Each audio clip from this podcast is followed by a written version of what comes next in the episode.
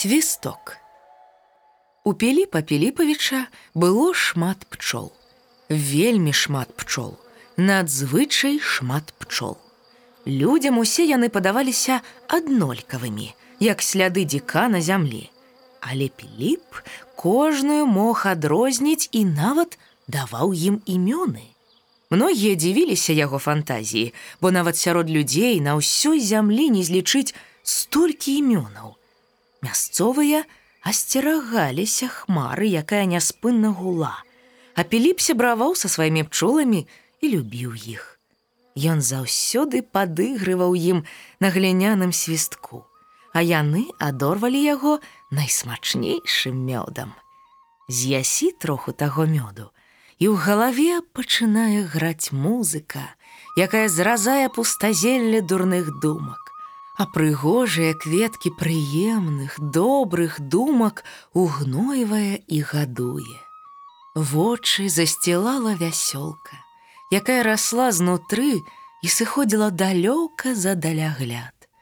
Рот пачынаў убіраць усю саладосць свету, смакаваць яе ад усходу да захаду, ад ягадаў да зорак. Памажаш скроней, і нават на камянях у холодным мокрым лесе моцна ды бесклапотна спіш да світання, быццам пад матчаным пупком. Дзіця на тым мёдзе гадаваць і дачка вырасці моцна, як зуб мядзведзя, а сын прыгожым, як слёзы месяца. І наадварот, у залежнасці ад таго, ці шмат мёду адразу даеш, ці пакрысе пачастуеш ты мёдам карову, і яна дасць нашмат болей малака, смак якога аддае лёгкімі ноткамі то здзіўлення, то мяккасці, то цягучасці, у залежнасці ад настрою каровы і кірунку ейнага хваста.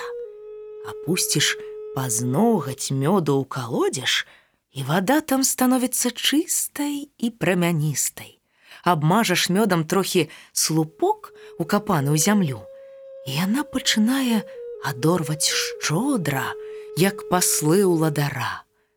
Аднойчы прыйшоў да Пеліпа тлустаносы мужик ад князя і кажа, што ягоны гаспадар хоча сабе тых пчол набыць.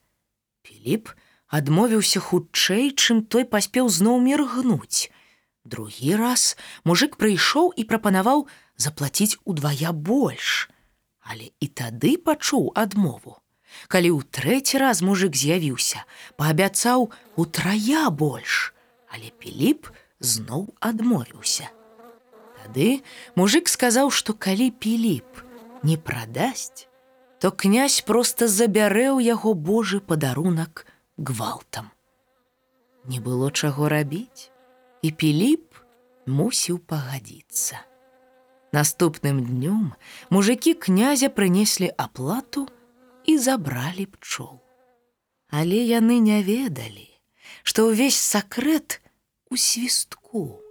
Граннем на гліняным свістку Піліп цешыў сваіх мядовых сяброў, гутарыў з імі, а часам і загадваў, Зайграе одну мелодыю, і пчолы ляцяць праз раку, Зайграе іншую, і мёд становіцца саладзейшым. Паспытаў князь свой мёд, а ён цвёрды, як крыўда, і салёны, як сляза дзіка.